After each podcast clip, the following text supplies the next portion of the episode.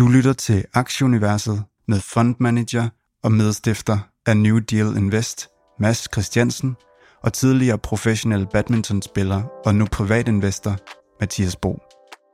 Velkommen til Aktieuniverset.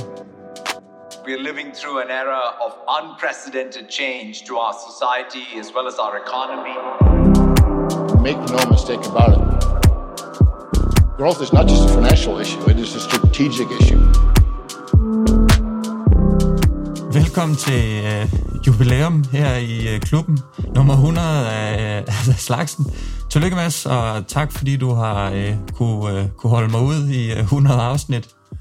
Tak Mathias, tak. Ja, fantastisk, og det var, jo, det var jo din idé tilbage i tidernes morgen, simpelthen så, så god en idé, og jeg kan huske, du skrev et eller andet med, kunne man ikke lige gøre et eller andet, og så, så rifraffede vi lige til, frem og tilbage i, i 14 dage, eller sådan et eller andet, og så, øh, så gik vi i gang med at optage en podcast, og så har jeg ellers glemt at trykke på optage-knappen, så vi måtte, øh, vi måtte optage om, og så videre, og du er bare den der type, der aldrig glemmer ting, og sådan nogle ting, så det, det har virkelig været, det har virkelig været sjovt, men også er sindssygt lærerigt, altså man, det er jo eksamen hver eneste, hver eneste lørdag, og sådan noget, det her med at fortælle, og sådan, og det lærer jeg bare så meget af, man husker ting meget bedre, som, øh, som man har sagt, øh, så ja, så fantastisk, og, og tak for, ja, tak for kampen, Ja, hold nu op, mand. Jeg kiggede lige, også lige aktiekurserne, ikke? Sea Limited var i, uh, i en kurs, der var tre gange højere, dengang vi startede aktieuniverset. Carvana i en kurs, der var et eller andet øh, seks gange højere. Og Microsoft er næsten i samme kurs, uh, som, som for 100, 100 uger siden. Så, så selvom at der virkelig er sket meget, så er der alligevel ja, ikke sket så meget, og også sket meget øh, negativt, må man sige. Det har godt nok været en... en uh, en, en, et lille skib, der har sejlet lidt i modvind som tider. Jeg kan også huske der, da vi startede, jeg sad ude i, i Indien i, på et eller andet uh, slot og prøvede at optage og prøvede at øve mig, og, og hver gang der indtalte jeg noget, så hørte jeg det igennem, og så slettede jeg, ej, det, det var simpelthen for dårligt, der var for mange talefejl, og, og uh, tidspunkter, hvor man ikke lige vidste, hvad man skulle sige, og kunstpause og alt muligt, så fandt vi egentlig ud af, jamen, uh, folk kan egentlig godt nok leve med, at, at vi siger lidt forkert en gang imellem, og, og de her uh, sprogfloskler, som, som kommer ud. Så uh, jeg, jeg er bare skide glad for, at uh, ja, at, at vi kan blive ved, og, og som du siger, det vigtigste for mig personligt, det er, at vi, vi bruger lidt, lidt tid på det her, kan man jo sige, men, men den læring, man får med så mange spændende mennesker, vi har talt med, så, så, så villige folk har været til at deltage. Altså 9 ud af 10 gange, vi rækker ud til folk og spørger, om de vil deltage, så siger de bare, ja, man fedt selvfølgelig, og det, det, det har været så super spændende øh, og, og lærerigt at hoppe ned i de her aktier og, og virkelig udvide sin, sin aktiehorisont. Ja, og så, ja, og så er der sket meget, ikke? Og så alligevel er der ikke sket noget. Altså, et af, jeg, jeg husker, du var sådan, altså, jeg vil gerne være studievært, og, sådan, og jeg, har, jeg har det bare sådan, hatten af for, for dem, der kan være studievært, altså dig og Bodil Gansel og Pernille Engård og, og Sara og sådan noget. Det der med, at lige pludselig så er der en, der stopper med at tale, og så skal man binde det sammen og så videre. Det vil jeg aldrig kunne. Men, men det ord, du brugte, det var, at hvis ikke jeg var rædderlig til det, så, øh, så, så kan man gøre det. Og så må man bare sige, så kan man jo kende den verden, vi, vi startede i også. Jeg synes også lige, vi skal øh, give en stor tak til, øhm, til dem, der hjælper os, fordi det er ikke kun os to øh, mere. Vi har en fantastisk lydmand i Anders Eske, som øh, klipper og, og redigerer og, og lige fjerner det værste og så videre, og indimellem også lige skælder os ud for, hvis der har været et åbent vindue, eller en fugl, der pippede, eller en kuglepen, der, der larmede, eller, eller sådan et eller andet. Og Nikolaj Pag Madsen, som øh, faktisk er, er med nu også i New Deal Investor, hjælper rigtig meget med, med research og finde nyheder, men, men han er, har en stor del af æren for, at, at der er nogle spændende nyheder øh, hver uge, øh, og, og det er også ham, som er øh, tager sig af vores Facebook-side inde på øh, Aktieuniversets Facebook-side. Og så Asbjørn Viller, som øh, har hjulpet os med øh, Twitter-siden, med at holde, holde orden på, øh, på forum derinde. Og så ja, også, også stor tak til alle, alle vores lyttere. Altså det er virkelig også givende, det feedback, der kommer, og øh, heldigvis langt, langt mest øh, positivt og, og varmt og, og sådan noget. Så stor tak til, til jer alle sammen.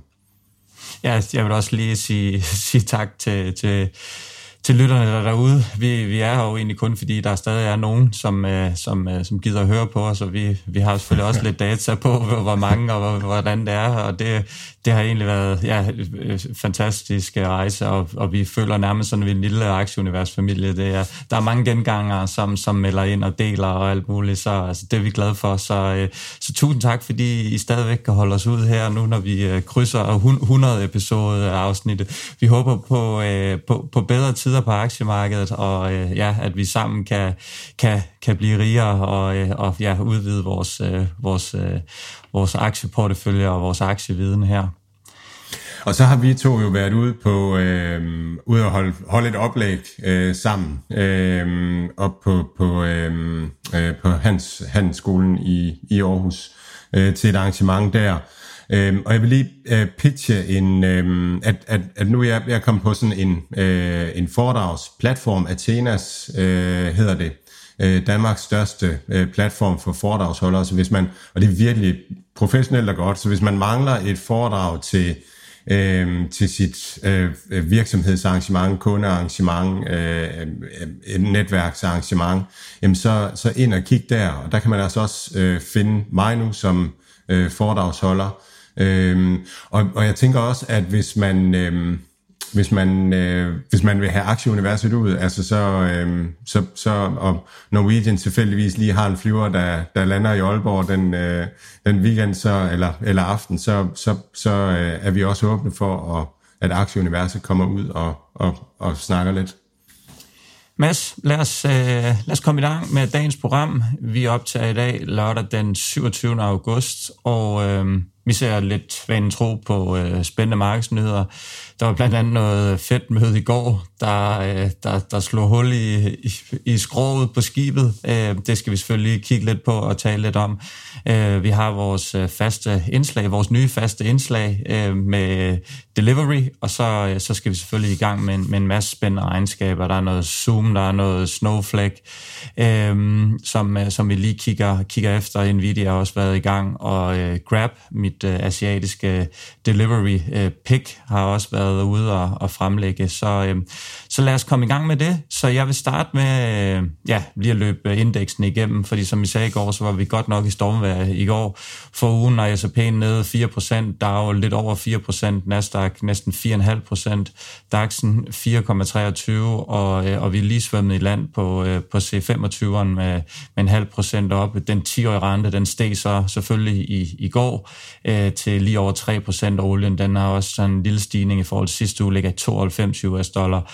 Øhm, Euro-dollar-krydset er under 1 nu, øh, 0,99, og Bitcoin fik selvfølgelig også en på hatten i går, og det samme gælder Ethereum. Ethereum er i 1500, og Bitcoin er lige over 20.000. Øhm, Fedt møde i går. Øh, ja, Fed Chair Paul var ude og øh, uden at sige, at, at de vil fortsætte med at hæve renten, selvom det går ondt, øh, og de, de fastholder det her inflationsmål på 2%. Han, øh, de vil selvfølgelig så holde øje med, med nøgletallene og se, hvordan det, det går og så videre, men øh, ja, der, der den tal ligesom kom ud, og, øh, og rystelserne lige var, så, så kørte vi bare øh, ja, direkte ned i, i, et, i et brændende hul her. Og det, det svære spørgsmål, 1000 kroner spørgsmål, og den vil jeg lade stille over til dig, fordi nu er jeg jo vært, så, øh, så nu er det ikke mig, der kommer til at se, se dum ud på den her. De 4 procent, vi taber Men jeg stopper med at snakke lige pludselig. det må du gerne gøre efter den her. Nej, de her 4 procent, som vi taber på Nasdaq i går, er der så, er der så regnet den her øh, renteforholdelse på, på formentlig 0,75 ind her i starten af, af september, eller hvad, hvad tænker du om det? Jamen, jeg tror, der er, der er flere ting i spil. Altså, øh, en af de ting, der er i spil, det er, at, at, at man siger det her med, at, at aktiemarkedet gør, hvad aktiemarkedet gør, og så bagefter, så finder markedsdeltagerne øh, den forklaring øh, på det, der skete. Altså, så, så, øh, så vi var et sted, hvor at, at aktiemarkedet har korrigeret opad i, i, i en måneds tid eller to, og så er det tidsmæssigt ved at være sådan, at så skal det lidt nedad igen, og så skal der ikke ret meget til, før at vi falder. Så det kan godt være, at det bare er den naturlige udvikling på aktiemarkedet. Så nu må vi se, om, om det her det bliver, øh, om det bliver et nyt ben nedad på Nasdaq, eller det bliver en lille korrektion, inden vi skal længere opad. Så, så, så det er selvfølgelig sådan den umiddelbare udløsende årsag til det, der måtte komme på et eller andet tidspunkt i løbet af næste uge, det blev øh, Jackson Hole-snakken i går.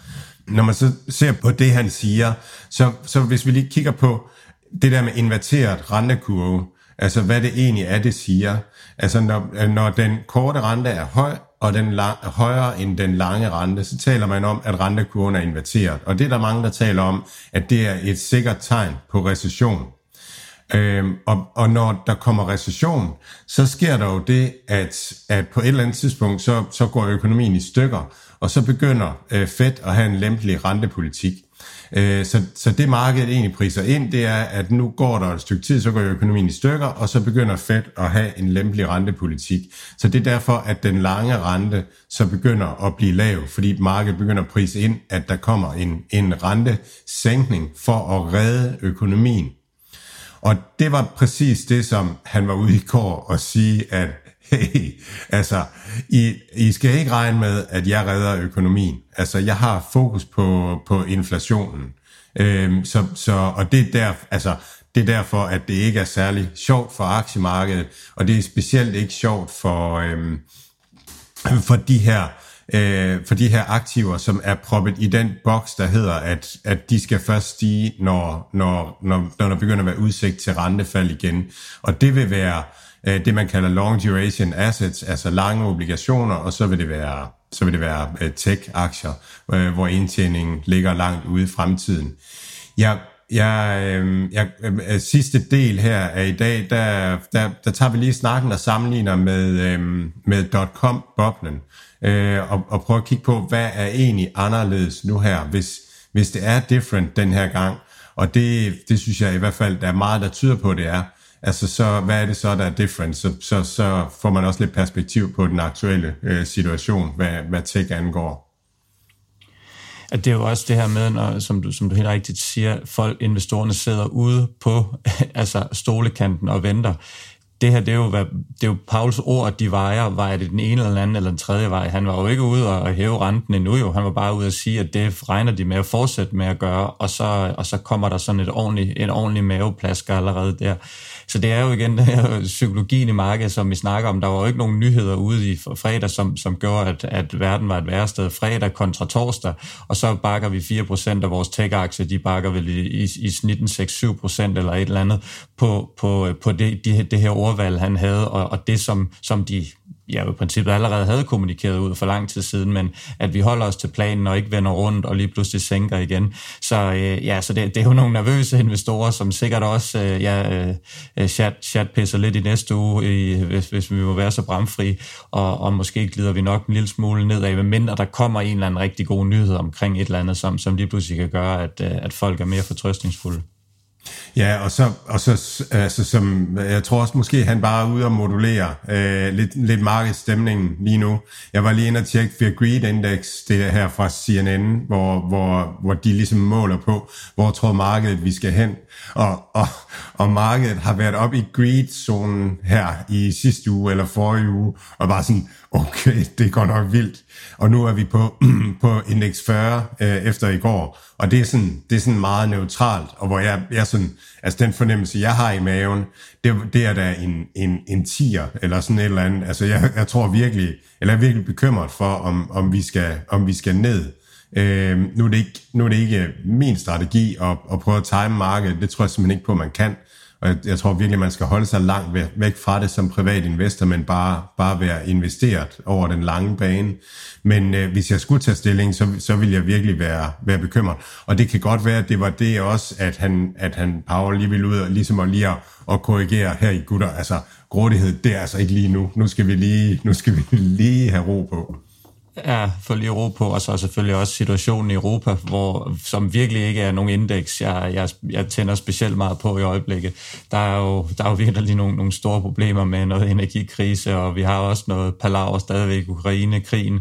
Øh, vi har nogle politikere, der måske ikke er super handledygtige, og vi har enorm høj inflation. Øh, vi har nogle renter, der stiger på boliglånene på en lille, i lille Danmark, og vi har noget bøvl i Italien med, med, med ja, men nærmest vel egentlig nærmest et uløseligt problem med omkring de her italienske statsobligationer og sådan noget. Så det, det er i hvert fald noget, man vil sige, jamen, det, det er jo også noget af det, de amerikanske investorer sidder og kigger på. Måske ikke lige så meget fokus, som, som vi selvfølgelig har på det i Europa, men de skæver der over Atlanten og, og ser på at, at køre alt som, øh, som smurt i Europa pt. Ej, det gør vi ikke. At, og, og, og derfor så er de selvfølgelig også en, en lille smule mere usikre, og i hvert fald noget af det, der, der gør, at de holder lidt igen med på, på købsknappen. Øh, så, øh, så ja, Europa, det, det kan vi tage en, en anden snak om på et andet tidspunkt, Mads, øh, men, men det, det, det, det, det ser lidt farligt ud i øjeblikket. Ja, og det, det er faktisk også sådan, når man snakker takeaway på, på regnskabssæsonen, så er det egentlig noget af det, som mange virksomheder kommer ud med. Det er, at, at øh, Europa-zonen er relativt svag. Vi skal snakke Zoom-regnskab, øh, svagt salg i, i Europa. Øh, meal kit virksomhederne svagt salg i Europa. Og så har vi ikke engang fået hele den her øh, regning for, for energi, som, som kommer til, øh, til vinter, ikke? også hvor at, at Europa producerer jo ikke rigtig selv energi, og nu skal vi købe det til, til meget højere priser på en eller anden måde, finde nogle løsninger. Det kommer virkelig til at gå ud over, øh, ud over, det, altså ud over det hele, så det virker som om, at Europa virkelig er, altså virkelig kommer til at, at være i knæ, og det er da noget, man skal regne med ind. Lad os lade snakke om det ligge øhm, og komme over til vores punkt, der hedder delivery. Den øh, får du bare lov at øh, køre afsted med, Mads.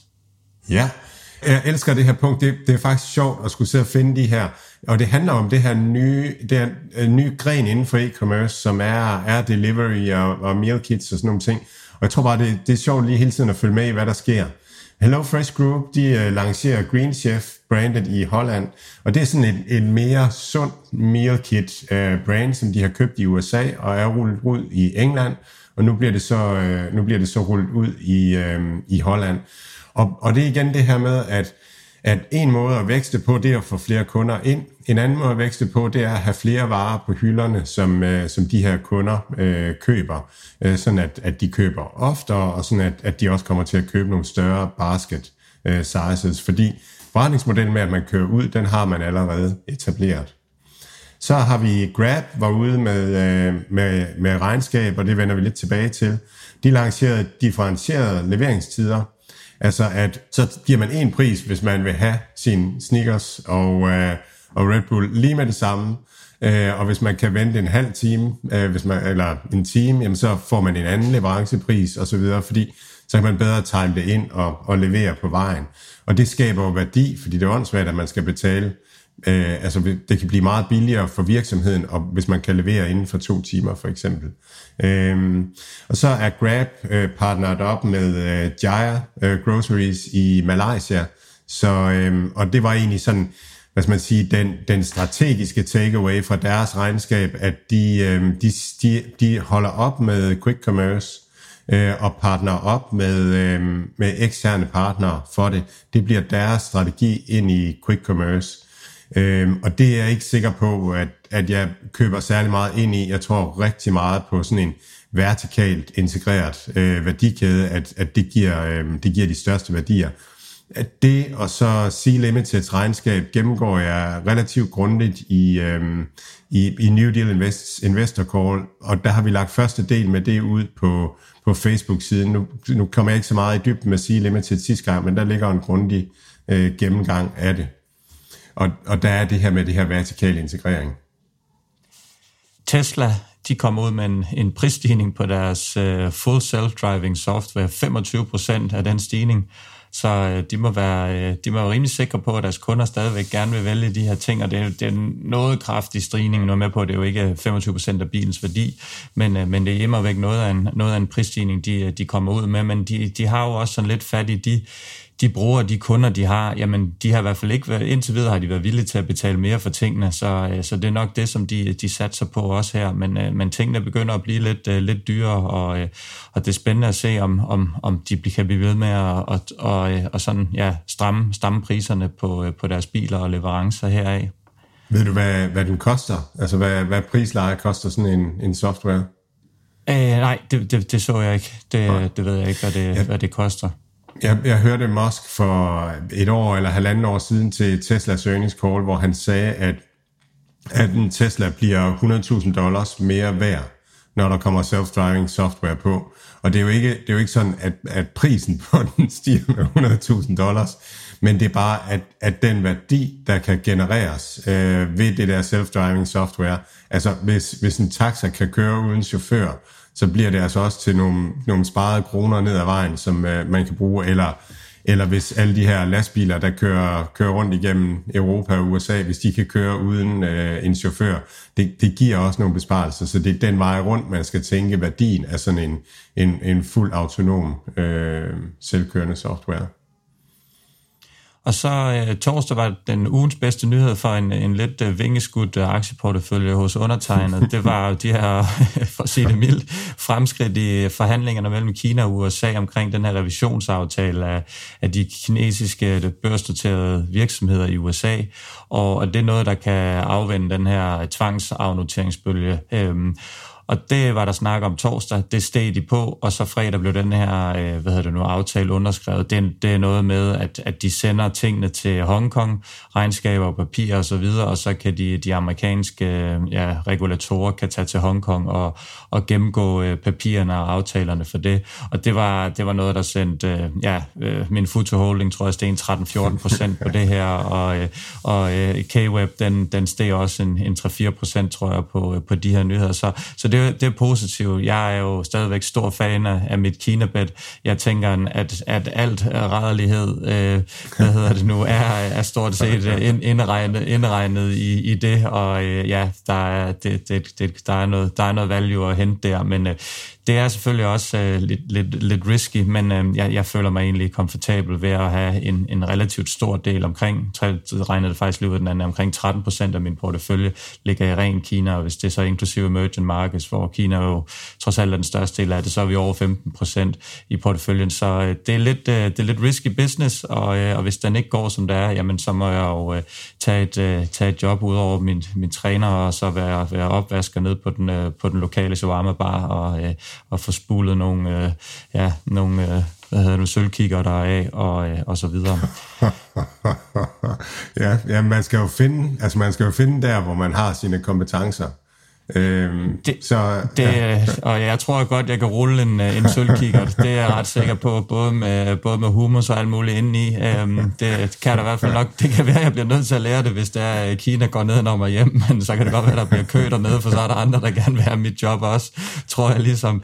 Øhm, den her luksusbrandsede Farfetch med mærketøj, Mads, en af, en af dem, som du har talt lidt varm om, som jeg faktisk også synes er, øh, hvis, man, hvis man ligger inde med 10.000 dollars til et par Nike-sko, så er det også også ufatteligt spændende sted at være, øhm, og, og, og, kø, og, købe, og købe nyt tøj, men, men øh, nej, spøg til side, øh, spændende sted for, for det her luxury brands.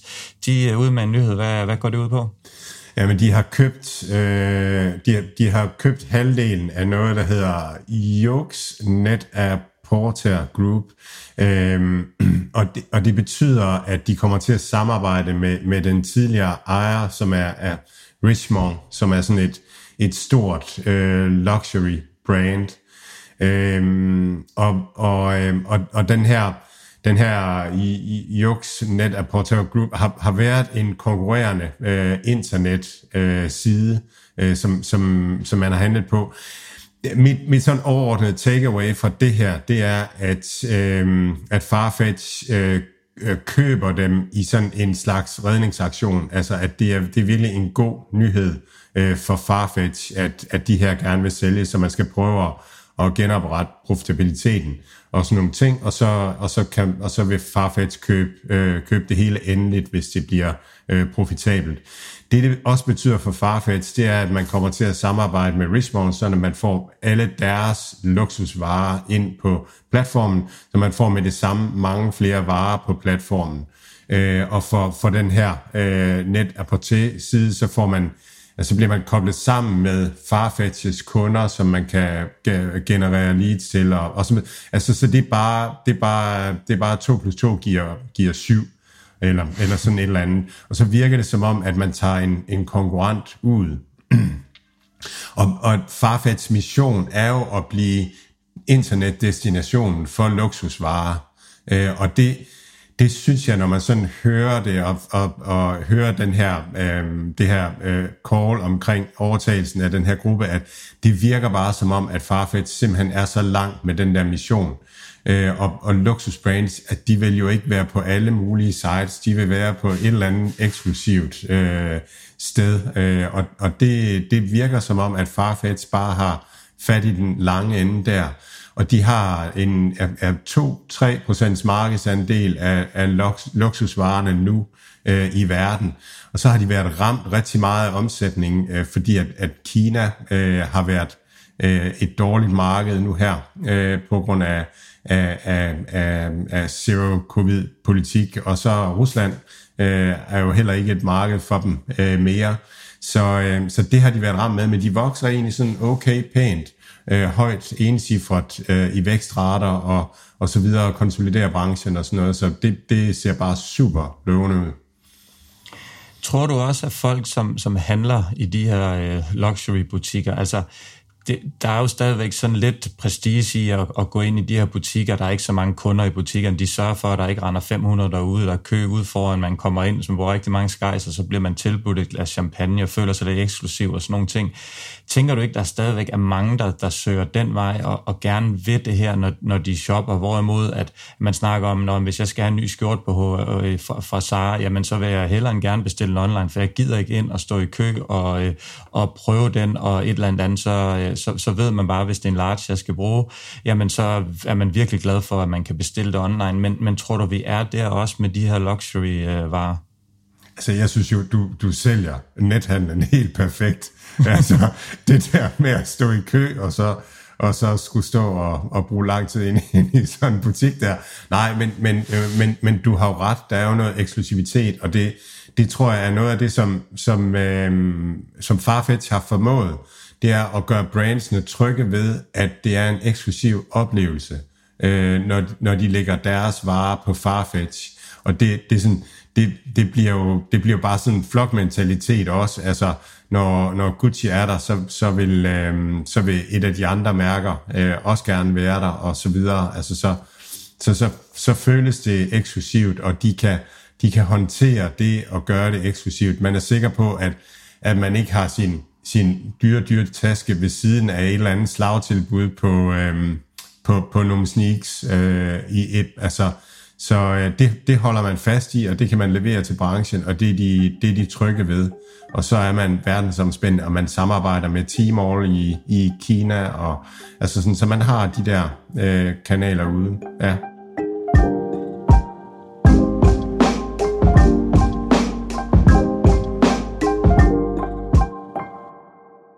Alt, hvad Mads, Mathias og deres gæster siger, er deres egne meninger. Det er ikke finansiel rådgivning. Denne podcast er udelukkende ment som information og skal ikke bruges til at lave beslutninger om investeringer.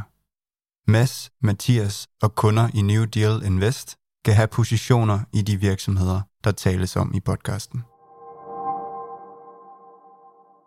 Mads, lad os komme over og kigge lidt på nogle, øh, nogle regnskaber. Øh, interessante selskaber, som, som har fremlagt i, igen i, i den her uge. Jeg vil lige starte lidt med Nvidia, den her chip-aktie, som, som jeg har valgt, PT. Øh, regnskabet det var sådan mere eller mindre, som øh, analytikerne forventede. De var jo også ude med en, en profit warning her på, for, for et stykke tid siden. De har sådan primært to dele, deres, deres gaming og deres datadel, og, øh, og, og den var de ude og, og, og profit warn for, for begge dele. Omsætningen øh, forventningerne til omsætning i Q3 er en milliard mindre, øhm, og det, det er primært baseret på, at, at de tror, at, at computersalget øh, det, det falder, hvor, hvor man skal bruge deres chip til, øh, og en, en generel efterspørgsel, at, at ja, folk venter lige lidt med at købe en ny computer lige nu. De kan godt lige bruge det gamle hakkebræt lidt, lidt, lidt endnu, og, øh, og det gør så også, at aktien den falder på det her regnskab. Den har haft det rigtig svært i år, ned nede cirka 50 procent, øhm, og det er en smule mere end for eksempel Intel og, og nogle af de andre, som er nede omkring øh, 35 procent altså, ja, som jeg nævnte en hurtig disclaimer, jeg er ikke jeg ejer den her aktie, og jeg er heller ikke øh, en ekspert i det her. Jeg, jeg synes, det er svært at forstå. Jeg, jeg har dog fattet, at man ikke laver særlig meget elektronik, uden at man også bruger nogle af de her chips. Så, øh, så den langsigtede case, man er vel en vinder, hvis man er i, i den her sektor, om, om det så er, man skal gå med en enkelt af de her, eller man skal tage en ETF. Der er for eksempel en, der hedder SOXX, øhm, og man så slipper for at skulle, øh, skulle pikke den hurtigste hund hvor, hvor bekymret er du for den her branche? Jeg tror, sidste gang snakker vi om, at, at på kort sigt og, og måske øh, ja, de næste par måneder, så er, så er man, men, men at, at du egentlig også er rimelig tryg ved, ved den her branche øh, på, på længere sigt. Har du, har du stadig det sådan? Ja, altså de, øh, jeg, har, jeg har ikke fået kigget øh, eller øh, lyttet til, til deres øh, earnings call endnu, men, men som du siger, deres PC-segment øh, er jo nede, og det er det også fordi, at, øh, at, at efterspørgselen falder. De, efter, de har været brugt til, øh, til mining, øh, Ethereum mining, øh, deres GPU'er, og, og, det, øh, og den efterspørgsel kan godt falde ud over en klippe nu her, når, når Ethereum øh, kom, bliver til Ethereum 2.0, hvor, hvor det bliver øh, proof of stake i stedet for proof of work. Og, øh, og der kan man faktisk også godt risikere, at der kommer en masse af de der, at minerne, de Ethereum-minerne, at de sælger ud af deres øh, GPU'er. Øh, så der kommer virkelig kommer over udbud. Og det er jo sådan, at chip-sektoren er en cyklisk sektor. Hvis man så ser på, på øh, Nvidia, hvad de også har, så har de jo også øh, så har de jo også, laver de også til, til bilindustrien, til den selvkørende teknologi, til automatisering inden for industri, øh, og så har de øh, til, til hyperscalers, altså cloud services. Så de har, de har nogle segmenter, hvor at, at det i hvert fald virker som om, at, at, der, at der virkelig er vækst. Øh, og det ser vi jo, når vi ser Snowflakes regnskab. Altså, det, det brager der ud af, og cloud-virksomhederne brager der ud af, indtil videre i hvert fald. Så, øhm, altså, så Nvidia på lang sigt øh, tror jeg, det er vældig godt. Og så der er hele det her skifte fra, at en ting det er, at man kan lave nogle, nogle data og lave nogle øh, forudsigelser.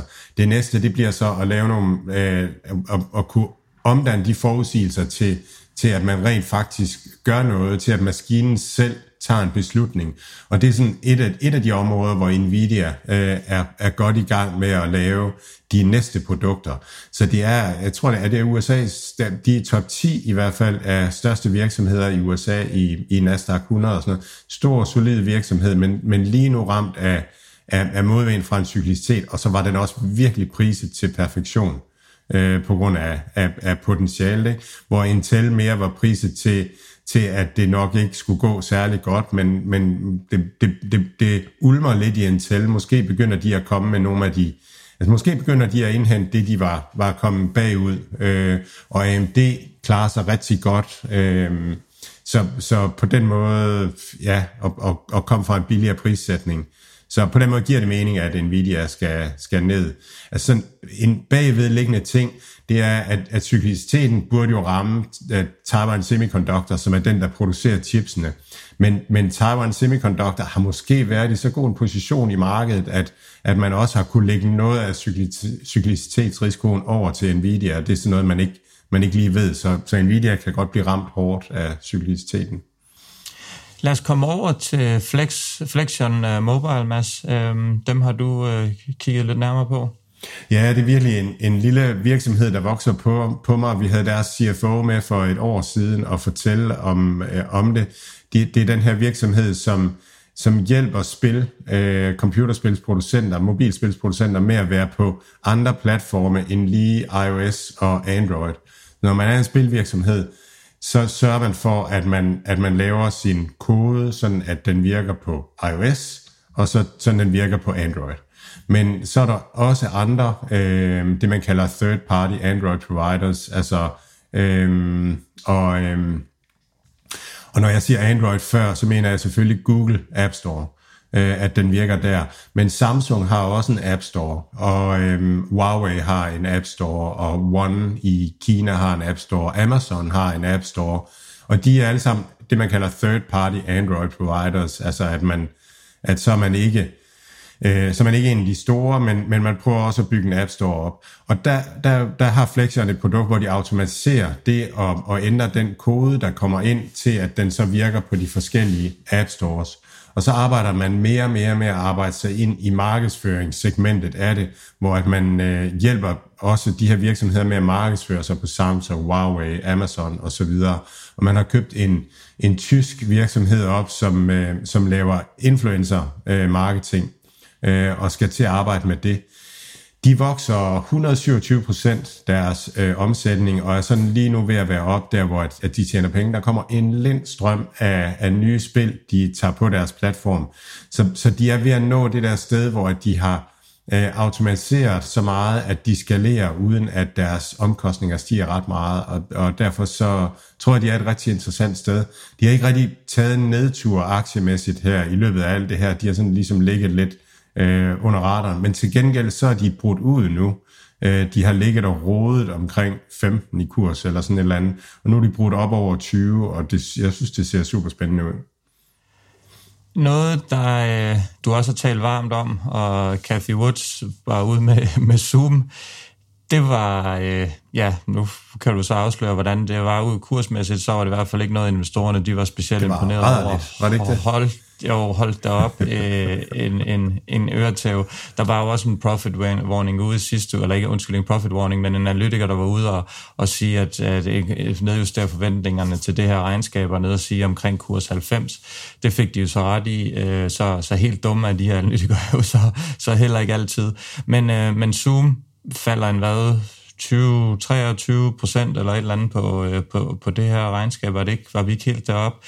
Det er, selvfølgelig, det er selvfølgelig rigtig voldsomt i en, kan man kalde det en, i de her markeder en relativt stabil penge, pengemaskine, øhm, så, så, så, er det, så er det en voldsom øh, ja, degradering. Hvor, øh, hvordan, hvordan så det egentlig ud? Jamen, øh, det, det, øh, Zoom, der er to dele af Zoom. Øh, den ene del, det er, det er privat. Det er det, man kalder online. Øh, små øh, abonnementer og sådan noget. Det går lidt der. Øh, og den anden, og, den, og, det, øh, og det er skidt. Og så er Europa skidt. Øh, væksten i Europa er, er, er skidt. Og så den anden del, det er business. Det er deres Zoom Phone og Zoom Meeting og Zoom Conference og, og sådan noget. De har en business pakke, og det går faktisk rigtig godt. Øhm, Øh, og så, så, så, kommer, så kommer kontrakterne ind sent i kvartalet øh, for de her virksomheder. Det betyder, at man, man får ikke særlig meget omsætning og sådan noget. Om det er en dårlig undskyldning, eller det er reelt, øh, det, det, det, det ved jeg ikke. Men, øh, men det virker som om, det går godt med salg til virksomhederne, og det, det har vi været inde på. Det er der, at, at øh, business casen er for Zoom. Det er at kunne, kunne levere til de her øh, store virksomheder. Øhm, og, og de har helt klart ikke særlig godt fat i de små virksomheder. Og jeg tænker sådan, altså min tanke omkring det, det er det her med, at, at, at hvis, hvis du er en lille virksomhed, så snakker du altid med andre virksomheder, som bruger, øh, som bruger øh, Google og Microsofts øh, produkter. Men hvis du er en stor virksomhed, hvor du, hvor du har rigtig mange samtaler internt, så vil du måske gerne have et produkt, der er lidt bedre fungerende, og det er Zooms øh, til til møder, hvor man har video integreret, og man har nogle forskellige muligheder for møderne. Så, så de kæmpe store virksomheder, dem, dem har de rigtig godt fat i, og sælger godt til dem, og, øh, og deres øh, net dollar retention er, er 120% så de sælger op til de her øh, store klienter. Så det, det øh, jeg, jeg tror, de har et bedre produkt. Og der var det her med, Øhm, der var det her med en, en, en, af, en af, af founderne, jeg tror det var for Upstart, eller også så det for Open Door, som, som sagde, at, at netop Zooms produkt, det er så svært at lave af en eller anden grund teknisk. Så han, var i, han havde selv købt aktier i Zoom, og var ikke så bange for, for konkurrenterne, fordi det er svært. Så jeg, jeg tror rigtig meget på Zoom. Og så er det som blevet mere og mere klart, at den, den megatrend, øh, som Zoom rider på, det er hybrid work øh, altså hybridarbejde, at man arbejder hjemmefra. Og det, er, det, det tror jeg, man skal til at identificere som en megatrend, og så identificere de virksomheder, som kommer til at have rygvind fra den, øh, fra den megatrend. Og det er blandt andet også øh, cybersecurity øh, virksomhederne, øh, som, som kommer til at have gavn af den. Og en af dem vender vi til, tilbage til. Øhm, jeg kunne godt lige tænke mig lige at, øh, at hoppe en tur til, øh, til Grab, som du var inde for i dit, øh, dit, dit indslag omkring delivery. Øh, det er jo mit pick inden for, øh, for den her branche, øh, den her sektor. Kæmpestore i, øh, i Sydøstasien, Malaysia, Indonesien, Thailand. Og de leverede et, heller ikke specielt prangende regnskab. Øh, større tab end, øh, end forventet. Øh, omsætning, den steg, steg rigtig meget, men, øh, men der var, der var hvad hedder det nu, endnu højere øh, cash burn, end, end man forventede. og som vi har nævnt, ja, nu skulle jeg til at sige tusind gange, øh, men det er i hvert fald tæt på, det koster i øjeblikket øh, at, øh, at, at vise cash burn i, i, i det her marked her. Er man, er man ude og, og, og brage, brage skillinger af, så afspejles det i, i aktiekursen, og det, det har det gjort det også i den her. Øhm, heldigvis for mig kan man sige, at jeg fik samlet op på et, på et godt tidspunkt, men efter den her aktie kom på, på børsen for, jeg tror det er lidt over et år siden nu her, så er den bare, bare kørt en vej, og det, det var det direkte ned i, i, i mørket. Og, øh, og ja, nu er den så, så vendt, vendt lidt rundt, og jeg tror måske egentlig faktisk stadigvæk, at jeg har omkring 25 procent øh, op på det. Men øhm, spændende virksomhed, Mads. Jeg ved mm. også, at det er en, du holder øje med. Jeg ved ikke, om du ejer den, øh, om I har den i fonden, eller du har den personligt, men, men øh, ja, der er, mange, der er mange, rigtig mange grønne øh, Grab-scooter, øh, som kører rundt med en kasse på ryggen. Øh, det fungerer rigtig godt med transport. Det, det, det bruges den her all, all i, i en one-app i, øh, i Malaysia og Indonesien, og, og det, er den, man, det er den, jeg bruger, og det er den, som mange tusind andre også bruger. Så man kan sige, at de har i hvert fald øh, et, et, et, stab, et stabilt antal kunder, som, øh, som, som kører rundt i den her øh, region, hvor minimumslønnen jo ikke er vildt høj, og det gør det billigt, og derfor så leverer folk, får folk også leveret stort set alting til døren, er meget, meget mere udviklet, end, end vi er i vores del af verden, hvor det stadigvæk er relativt dyrt med de leveringer. Det koster næsten ingenting, altså vi snakker 10-15 kroner at få tingene leveret hjem til, til døren, med, og hvis du har en helt øh, røvfuld, øh, hvad hedder det nu, grøntsager eller et eller andet, der skal hjem, så øh, vil man gerne betale 10-15 kroner for at ikke skulle slæve dem op på, øh, på tredje sal. Og det, det fungerer altså derude, men, øh, men selve forretningsmodellen er i hvert fald med at få, få nogle penge ned på, på bundlinjen. Det har de ikke løst endnu, og det, det koster i øjeblikket. Der er, der er investorerne altså ikke villige til at, at betale ekstra for det, så, så den fik en, en kæverasler. Ja, det gjorde den. Øhm, det og sjovt nok, der var en analytiker, der sagde tillykke med de gode resultater. Øh, så det er altid, det er altid øjnene, der, der, der ser på det. Øh, men altså, som du siger, de vokser 79 procent øh, i omsætning, og GMV vokser 30 procent. Noget af det, der er sjovt med Grab, det er også lige at sammenligne med Sea Limited og, og se, hvordan, hvordan var deres resultater egentlig.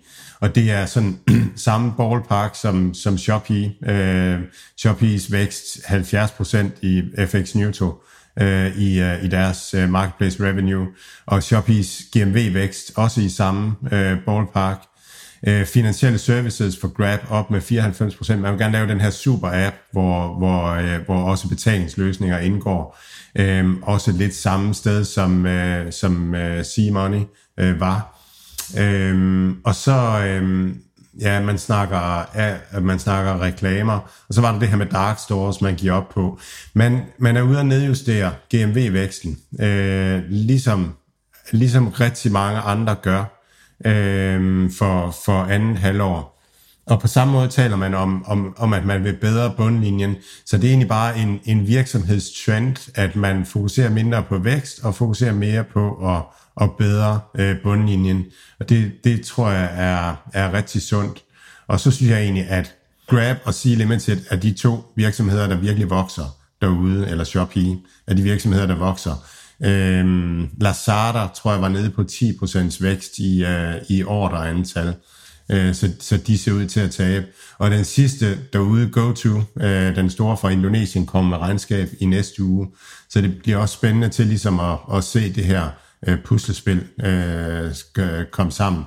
Grab har været meget aggressiv i deres øh, substituering. Øh, øh, Niklas Østberg fra Delivery Hero, han siger, at, at de sorterer meget i kunderne, og så siger han sådan lidt, de, de prikker altid til hinanden, så siger han, at, at de kunder, vi så finder ud af, at dem tjener vi ikke penge på, dem vil Grab gerne have, så dem, dem får de.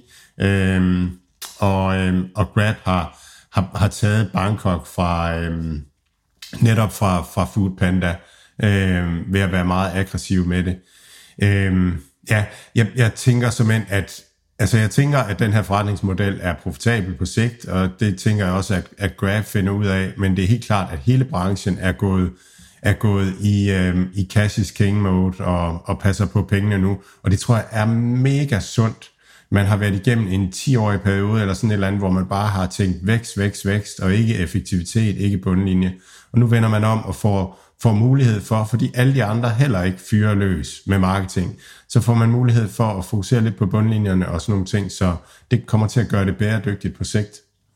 Og jeg tænker jo også det her, hvis man synes, den her branche er interessant, ligesom vi gør, så gør det heller ikke noget at holde lidt på pengene, fordi den vinderen, gorillaen øh, eller silverbacken i af de her selskaber, som kommer igennem med det her, jamen der snakker vi jo måske en 20-dobling eller en 10-dobling af aktiekursen, så kan man godt lige sidde den ude øh, de første, de første 200-300 procent her til at starte med og finde ud af, ja, fordi begynder de at slå konkurrenterne ud, og, og begynder de at få nogle af de her markeder for sig selv, jamen så, er, så, så er der i hvert fald stadigvæk masser at komme efter. Så, så bundfisk de her øh, cash cashburning aktier lige sådan i øjeblikket, så, så, så skal man i hvert fald være, nok stadigvæk tænke, tænke langsigtet og, og tage lidt mindre positioner i flere af dem, øh, hvis, hvis det er, man har lyst til det, så man ligesom er dækket ind. Det er i hvert fald ikke anbefalesværdigt at køre hele pensionsformuen øh, efter, efter de her, men øh, der, der kommer til at være en vinder, fordi der er ingen tvivl om, at det her det bliver fremtiden. Folk gider sgu heller ikke i, i Danmark og, og slæve rundt på deres fødevarer. Man skal bare lige lære, at, at det godt kan blive leveret, leveret, og så skal prisen lige matche,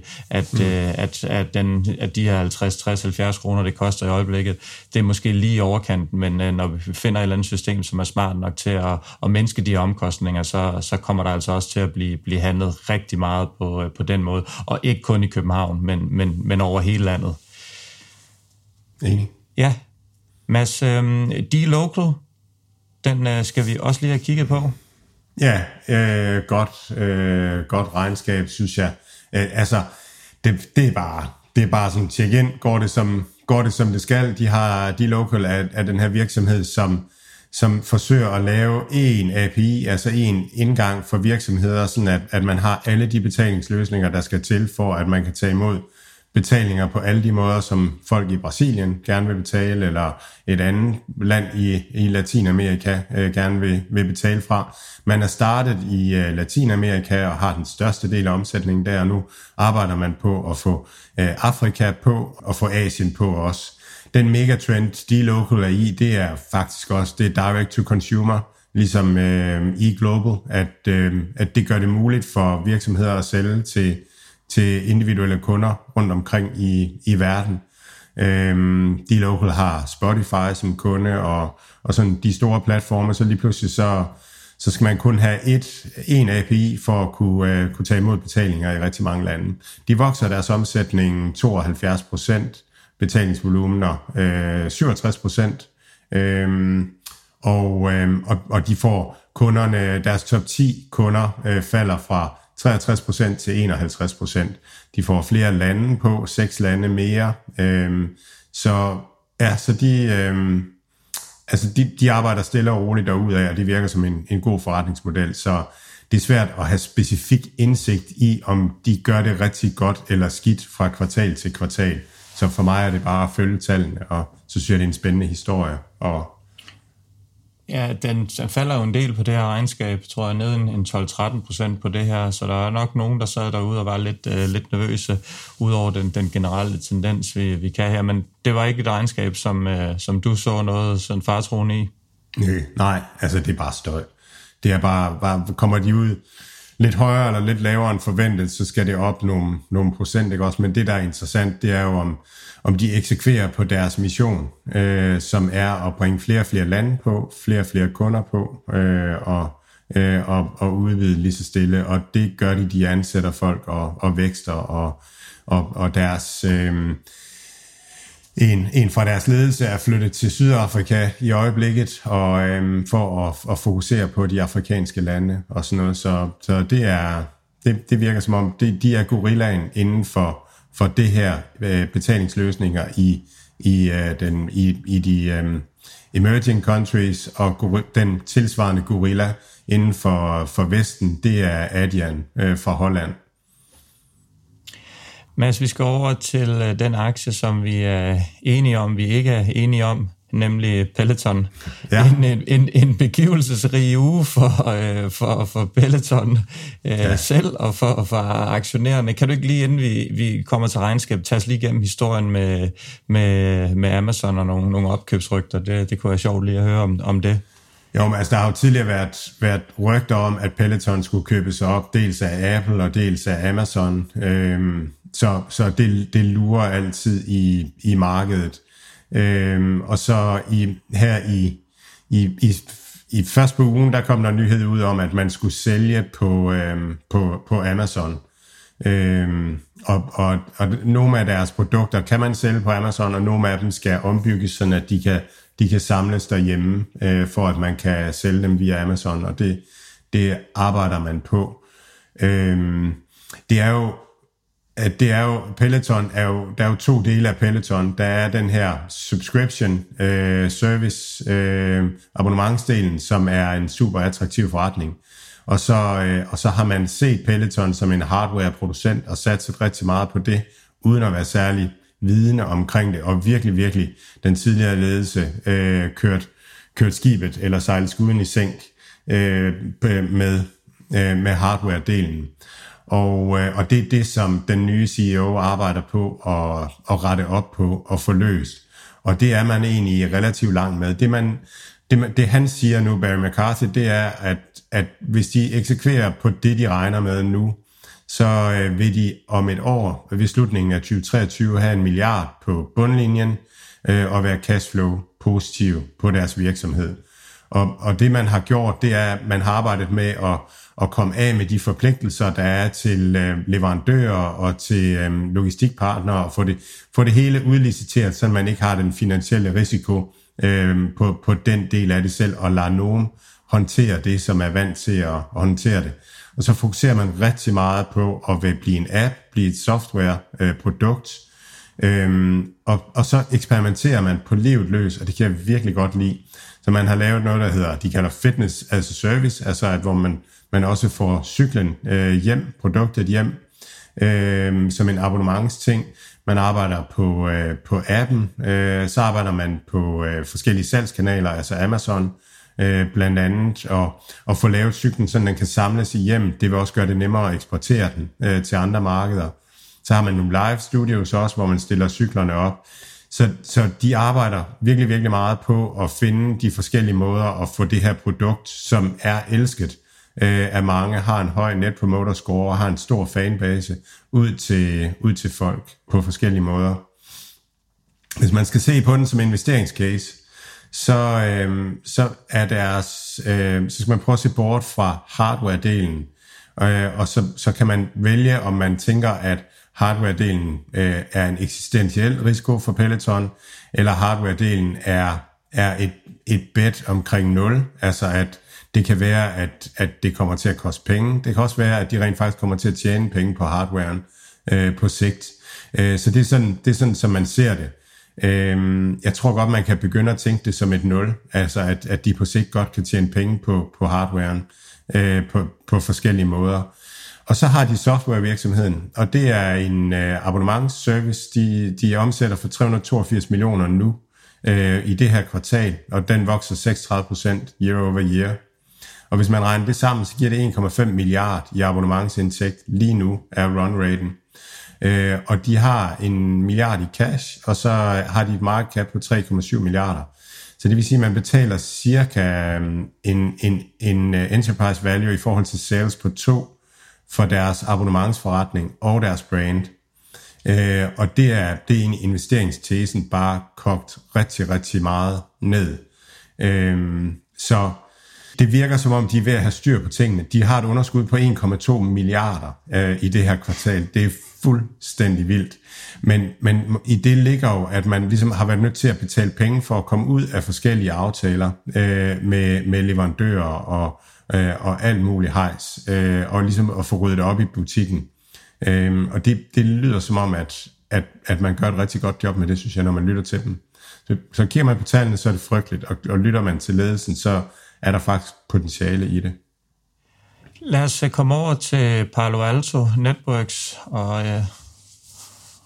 Ja, øh, fedt regnskab, øh, spændende virksomhed, gammel, øh, det, er en, øh, det er internetsikkerhed, øh, øh, gammel virksomhed, som går fra at, at, at, at, at, at, at lave skifte fra at være primært sådan hardware-producent øh, af, af sikkerhed, øh, og så til at være øh, til at, at, at servicere cloud-kunder, altså den her at cloud-skiftet.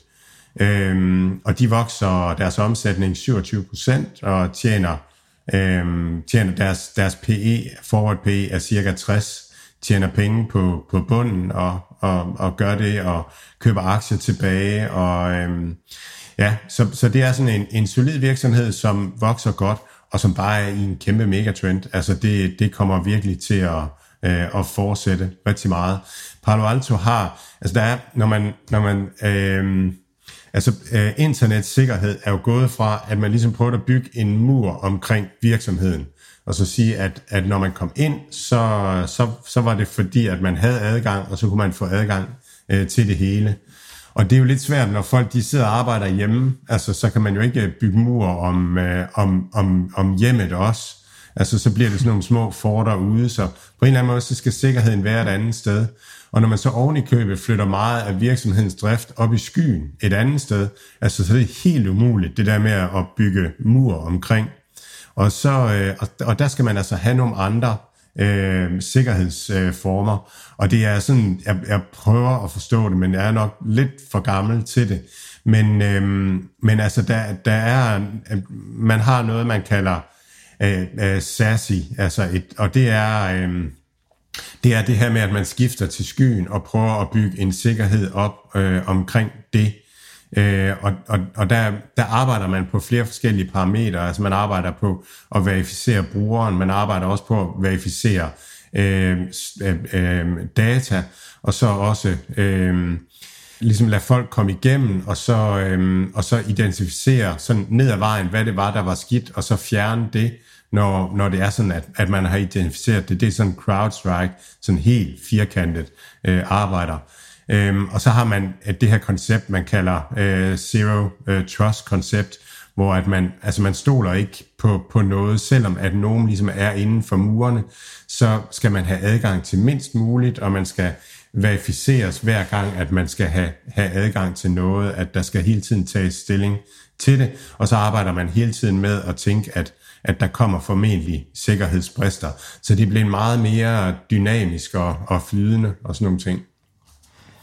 Jeg, øh, jeg skal også være den første til at indrømme, jeg, jeg forstår det heller ikke, men, men jeg tænker, det er jo det er heller ikke så nødvendigt at, at, at forstå det ned i, i detaljen, når man bare forstår, hvor, hvor vigtigt et behov det er. Og mm, vi ved jo, at, at fremtiden af data, det data, det skal ligesom alt muligt andet, det skal beskyttes, og det er der nogle firmaer, der tager sig af, som, som sidder og nørder med detaljerne, hvordan man, man ligesom bygger et, et Fort Knox rundt om, øh, om dine feriebilleder fra, fra Rodos, hvor du kører, øh, hvor du kører Borat øh, det, det er der jo nogen, der tager sig af, og det er jo egentlig sådan set ligegyldigt for forbrugerne og for dig personligt, hvis du bare ved, at øh, jamen, de er beskyttet bedst muligt, og, og de her opdateringer, der kommer hele tiden til at gøre det bedre og bedre.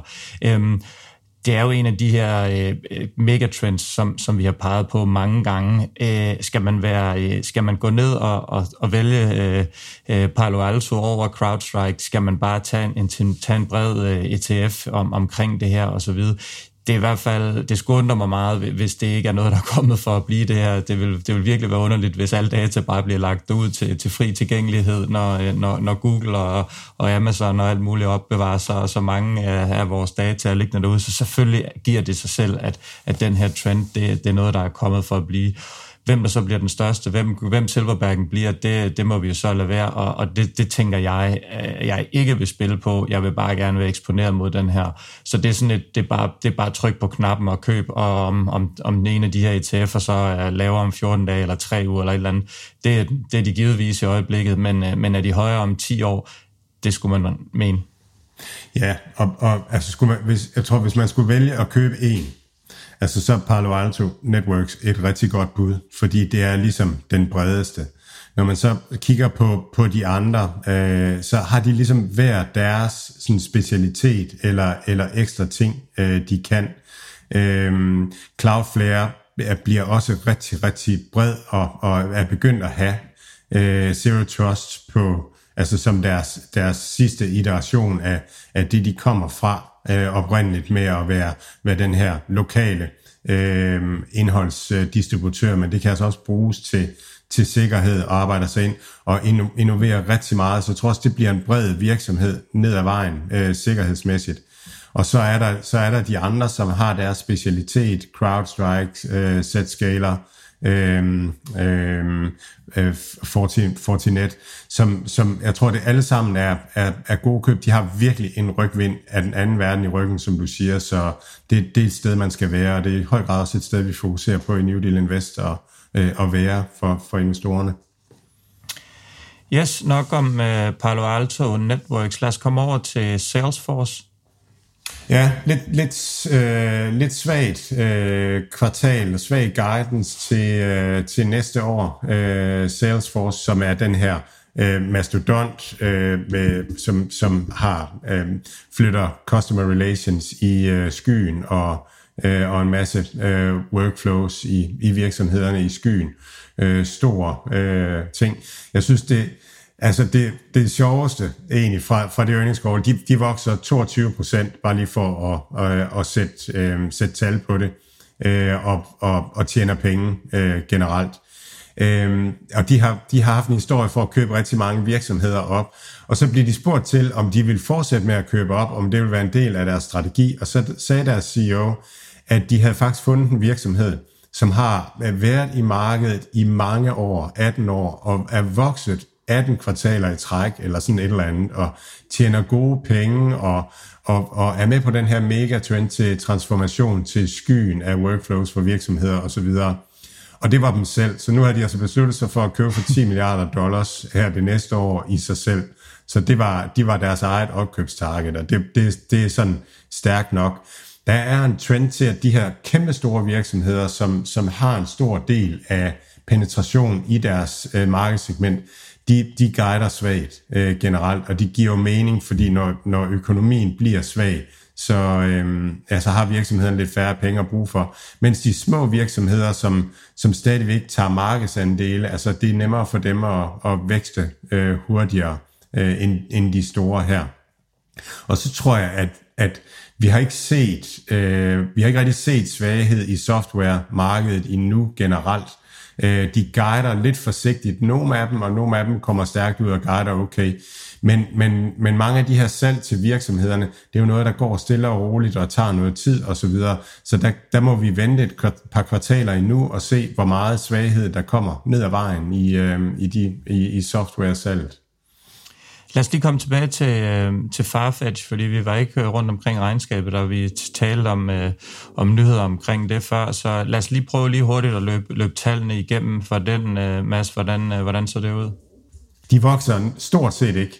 Øh, de, de, de ligger på en øh, 1% eller sådan noget i, i vækst, og hvis man så øh, korrigerer for valuta, så, så vokser de lidt. Og hvis man så dykker lidt ned i det, så, øh, så, så vokser de højt øh, ensifret øh, i, i, i Vesten. Og så er deres Rusland er jo ikke eksisterende i forhold til sidste år, og deres Kina er heller ikke eksisterende i forhold til sidste år.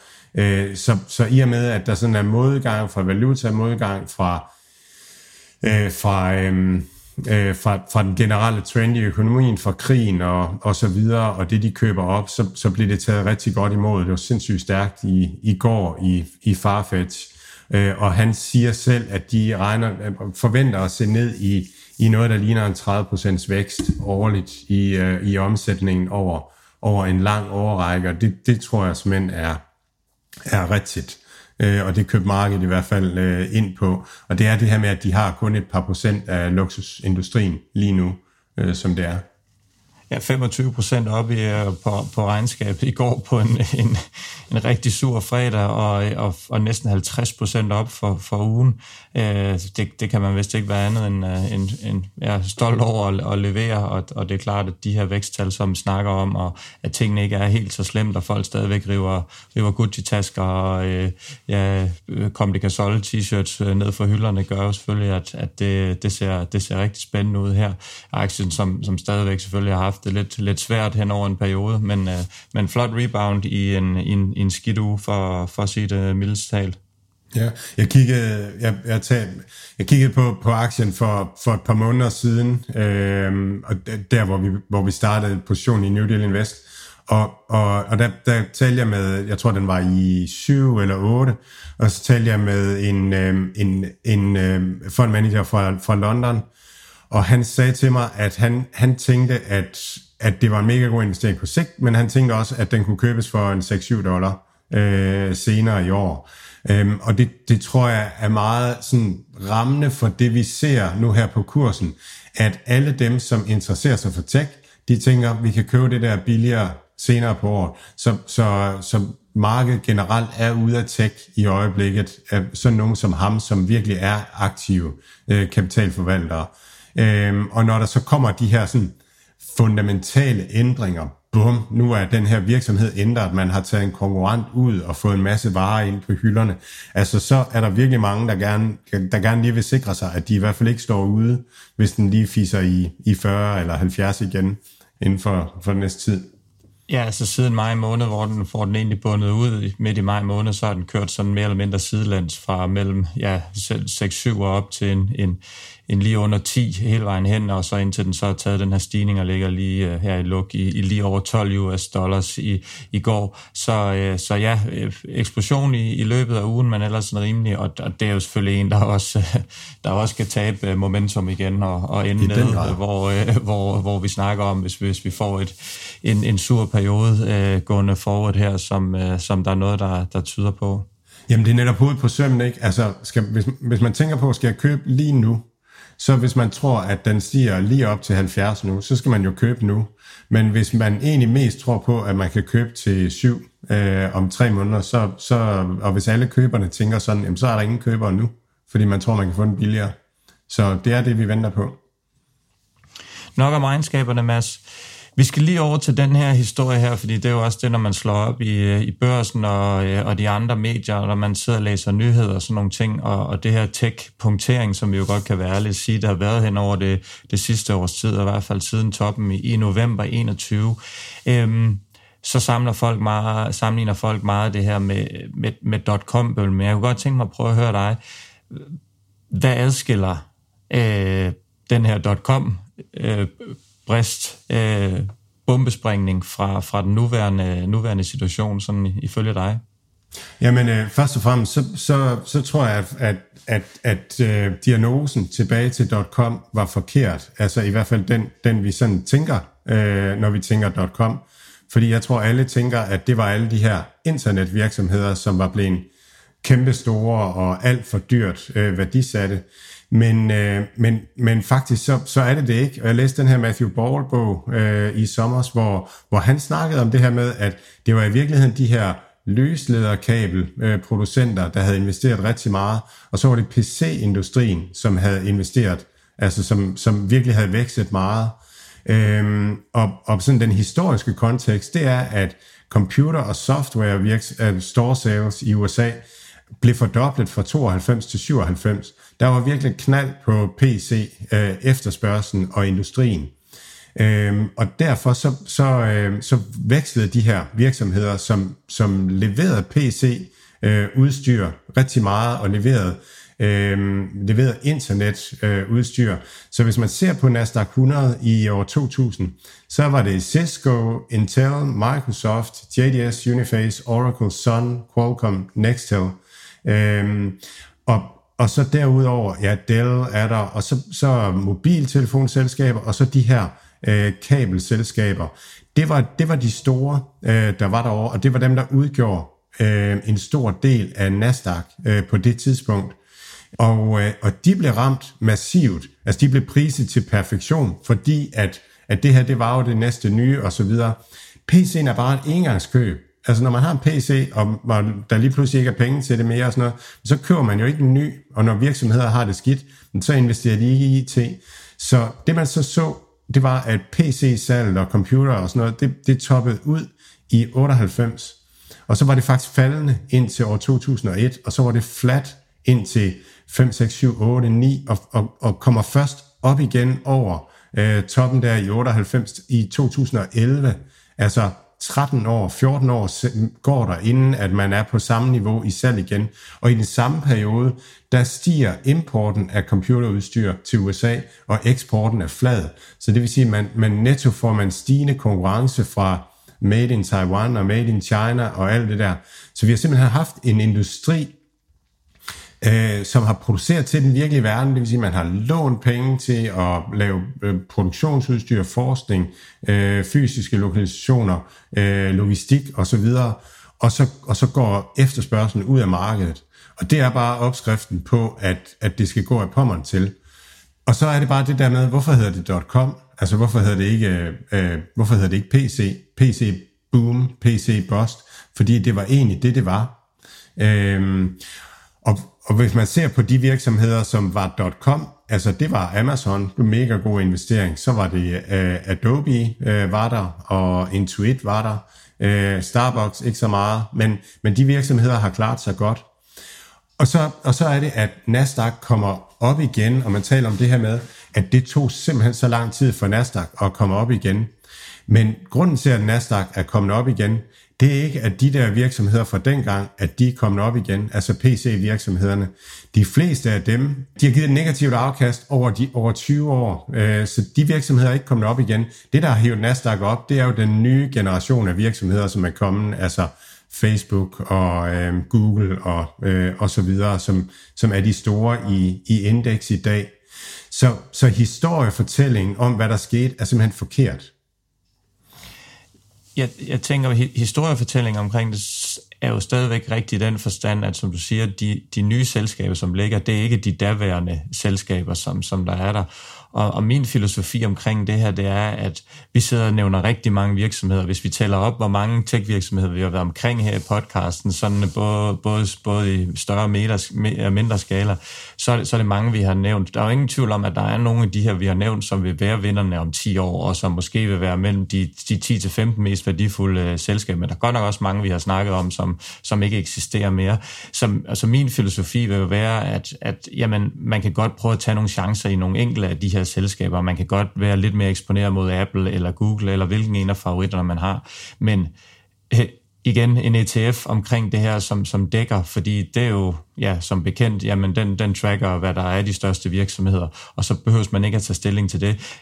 Det er lidt kedeligt, det er ikke så, så action og, øh, og man er ikke behøver ikke at grave så meget i, i materien, men når man sidder derude og, og ikke er, er lige så meget ned i det, og, og ikke har 10 timer om dagen til at sidde og gå i dybt med de her egenskaber, som, som du har og sådan nogle ting, så, øh, så, så er det jo i hvert fald en smart måde at gøre noget af det, øh, investere en, en del af sine penge på at gøre det, at man, man er eksponeret mod den her verden, som vi ved, at, at verden drejer over mod, men, men lige om det er den ene eller anden eller den tredje, som, som, man, som man skal pikke vinderen af, Øh, det er ikke så sjovt, men det, det, det er smart investeringsmæssigt.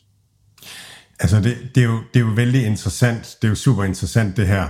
Øhm, fordi hvis du tænker dengang, altså hvis du har købt en Nasdaq ETF dengang, så havde du fået alle de her PC-selskaber med til en høj pris.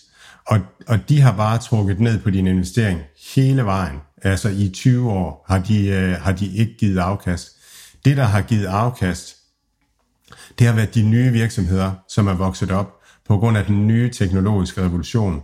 Og det er dem, der er de store i Nasdaq i dag. Når man ser på Nasdaq 100 i dag, så er det Apple, det er Microsoft, Amazon, Tesla, Alphabet, Nvidia, Meta platforms, øhm, som, som er de største. Og det er alt sammen nye selskaber, som er vokset op. Så, så det, der har fået Nasdaq op igen, det er faktisk ikke de gamle det er de nye. Så, så, og det er egentlig det, jeg synes, at vi gør her. Vi sidder og leder efter de nye. Så jeg tror, altså jeg tror at, at, at det vi laver, det er en ETF af de nye virksomheder. Og der er nogle af dem, som bliver den største virksomhed i USA øh, i, i, i, et eller andet, i en eller anden fremtid. Så, så jeg tror faktisk, at det, er, det, er, det, kan også, det, det kan også være i den grad være pitchen for, at man skal passe på med en ETF lige nu. Det sjove det er så, at hvis man, hvis man tænker, at, at historien gentager sig, så, øh, så det man så siger også, det er, at de store virksomheder i Nasdaq i dag, de vil blive en fiasko fremadrettet. Fordi det er det, der skal til for, at, at historien gentager sig.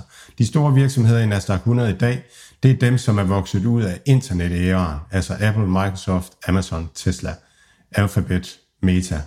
Så, så hvis man siger, at det bliver ikke anderledes, så siger man også, at Big Tech skal i graven nu, eller at Big Tech ikke skal vokse over de næste mange år. Og det synes jeg er super spændende. Øh, om, altså, og, og det er jo egentlig også det, vi sidder og snakker om. De, de prøver at lave en pivot til, øh, til cloud services og til artificial intelligence. Og hvis det, hvis det lykkes, så, så får de væksten. Men hvis de hænger fast i, og, og der kan jeg godt være bekymret for for eksempel Meta, hvis de hænger fast i digitale reklamer uden 1P, øh, uden øh, first party data, så kan jeg godt være nervøs for, om, om det bliver øh, en, en dinosaur lige på den front, øh, hvad det angår. Ja, så det, det er spændende, om det, det bliver sådan, så er det Big Tech, der skal i graven, øh, og ikke skal nogen steder, øh, hvis det er, at man siger, at det ikke er anderledes. Øh, og, men jeg, jeg tror, Big Tech, de, øh, jeg tror, de rider på, på den her sekulære trend, som hedder digitalisering. Så jeg tror, der vil ligge en, et 10 plus procents vækst i, i de fleste af dem. Skal, skal Big Tech i, øh, i graven nu her, Mads, så, så skal vores øh, portefølje være især også i graven, kan jeg så afsløre, så, øh, så kan vi ligge dernede og hygge os sammen med godt humør. Øhm, godt humør synes jeg også, der var på i dag, vores, vores jubilæum. Nej, jeg skal lige, jeg skal lige tage Microsoft med, øh, fordi det er, okay. også, det er også en af, en af fortællingerne, øh, den her omkring Microsoft, og den er egentlig meget illustrativ.